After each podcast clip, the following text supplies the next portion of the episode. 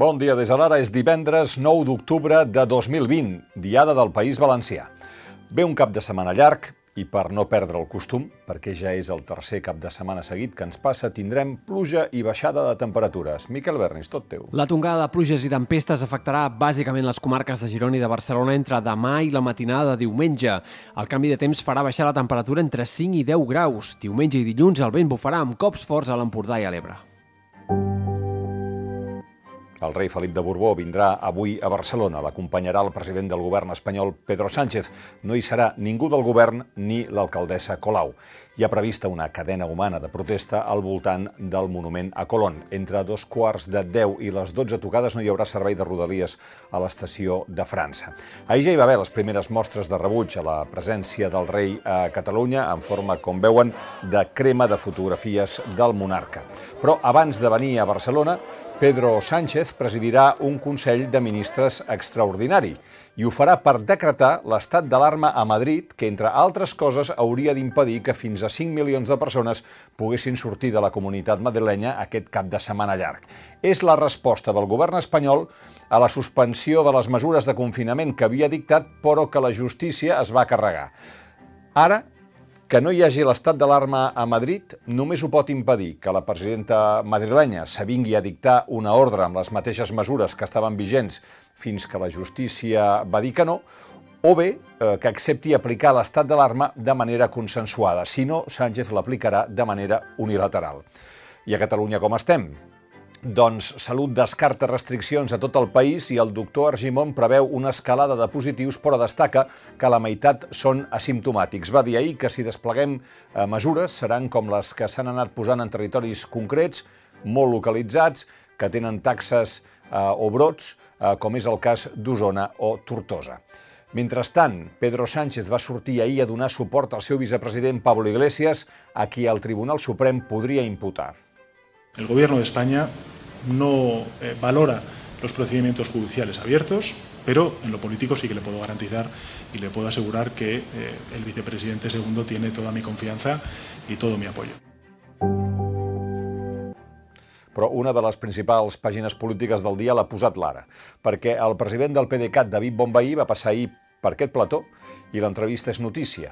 Bombaí va anunciar que el divorci amb Junts per Catalunya és una realitat i que el PDeCAT anirà en solitari a les eleccions. El PDeCAT es presentarà en solitari a les eleccions? A dia d'avui sí.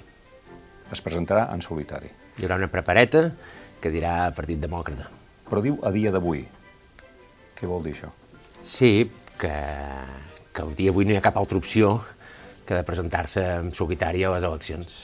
És el mandat que tenim dels nostres òrgans a dins del partit i, per tant, nosaltres treballem en aquesta, en aquesta hipòtesi, que és l'única que tenim sobre la taula actualment. Bon va dir, va dir ahir que eh, ja han fet el dol de la separació amb Junts per Catalunya. Aquest trencament no impedirà que avui es reuneixin públicament a Perpinyà els presidents Mas, Puigdemont i Torra, tots tres represaliats. I encara en política catalana, l'alcalde de Manlleu, Àlex Garrido, d'Esquerra Republicana, es va fer enrere ahir i finalment no dimitirà després que Uh, justament avui fa vuit dies circulés per les xarxes un vídeo seu d'aquest estiu on se'l veia begut. Garrido va agrair el suport rebut des que es van publicar les imatges, va dir que la mobilització ha sigut tan gran com inesperada i eh, justament per aquest motiu eh, ha reconsiderat la decisió d'abandonar l'alcaldia i acabar el mandat. Això sí, va reiterar que no repetirà com a cap de llista. Esperem que avui s'iniciï una nova etapa. Amb aquest optimisme s'expressava ahir el president de Foment del Treball, Josep Sánchez Llibre, que va liderar la celebració d'un acte perquè tot l'empresariat català formi un front comú amb l'objectiu d'exigir la fi del dèficit d'infraestructures que té a Catalunya, que és un acte que es fa cada any i que es bueno, com aquell qui diu s'haurà de continuar fent cada dècada. Va venir el ministre de Foment, José Luis Ábalos, el dèficit acumulat arriba als 45.000 milions d'euros, va quantificar ahir Joan Canadell, president de la Cambra de Comerç. Per això, deia Canadell, part de l'empresariat s'ha tornat independentista. Javier Faus, el president del Cercle d'Economia, va anar més enllà. No sou conscients, va dir en referència als polítics de la resta d'Espanya, que Barcelona és la segona capital i que no estem parlant de Màlaga o Sevilla, que Barcelona és la cinquena aglomeració urbana d'Europa.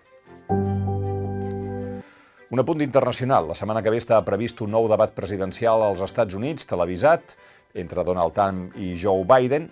Trump ha dit que ell el vol celebrar presencialment, que tant li és eh, està eh, passant el coronavirus. Biden ha dit que ni parlar-ne. La música inclusiva de l'Escola Cervantes s'endú la beca Carles Capdevila, que eh, va ser lliurada ahir a la tarda. L'Ara i la Fundació La Caixa donen 20.000 euros al projecte que vol universalitzar l'accés als instruments. Magda Martí, directora de l'Escola Cervantes, en recollir el premi, va citar en Carles Capdevila. Ell deia, l'educació que es fa als esplais i agrupaments i casals, la de voluntaris que cohesionen barris des d'aquesta escola de la vida i la convivència, ha de deixar d'estar menys tinguda i arraconada, pidulant ajuts i superant traves administratives perquè també és la solució.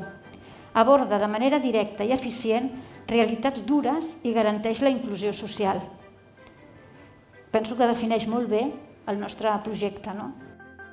El projecte de l'Escola Cervantes ha estat seleccionat entre 52 propostes presentades i que tenien la inclusió com a fil conductor. De fet, els altres dos finalistes, el projecte de música de l'Escola d'Educació Especial La Muntanyeta, de Tarragona i els entorns d'aprenentatge eh, personalitzats de l'Institut Nicolau Copèrnic de Terrassa, i aquest, el, el guanyador, tenen dues coses en comú. Situen al centre els més vulnerables i defensen la diversitat com a una eh, oportunitat educativa.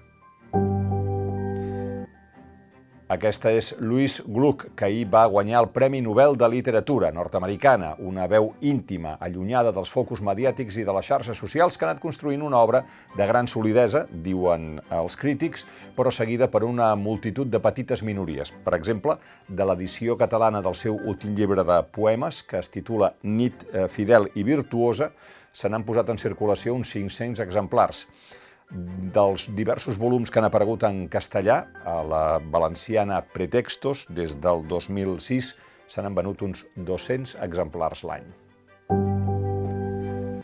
I acabem amb els esports i un titular que mai no pensàvem que podríem dir.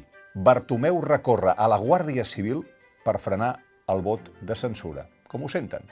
La Junta Directiva de la Barça va posar en coneixement de la Justícia i de la Guàrdia Civil que té sospites sobre l'existència de firmes irregulars entre les més de 20.000 que es van presentar per fer un vot de censura de les quals, com vostès saben, més de 19.000 ja són bones i superen de llarg les 16.500 que calien per eh, aconseguir la votació. Doncs bé, el club ha denunciat a la Guàrdia Civil proves de presumptes delictes penals amb butlletes que no s'haurien rubricat lícitament. En va portar unes 300. Aquestes paperetes porten a sospitar al club que potser hi ha més suports que s'haurien recollit mitjançant pràctiques que podrien incórrer en falsificació documental o usurpació d'estat civil. El resultat de portar aquestes paperetes a la Guàrdia Civil és que el cos armat ha demanat més informació al club, ha demanat el llistat de tots els socis que van firmar demanant la moció, però de moment el vot de censura no queda paralitzat, cosa que vés a saber si és el que està buscant la directiva, perquè podria passar si el jutge instructor ho aprovés. Però és que, a més a més, ahir el Barça va anunciar que a causa de la pandèmia no celebrarà l'assemblea de socis compromisaris, perquè diuen que telemàticament seria un experiment que no sortiria bé. L'Atlètic de Bilbao celebrarà la seva assemblea a Sant Mamés, a les Garderies, en un espai obert. Naturalment, en una a tribuna on hi caben 20 o 25.000 persones com la del Camp Nou, s'hi poden posar fàcilment i amb espais 3 o 4.000 a tot estirar socis compromissaris. El Barça recorrent a la Guàrdia Civil i anul·lant l'assemblea. Si Joan Gamper aixequés el cap. Fins aquí les claus del dia, tornem després amb l'anàlisi.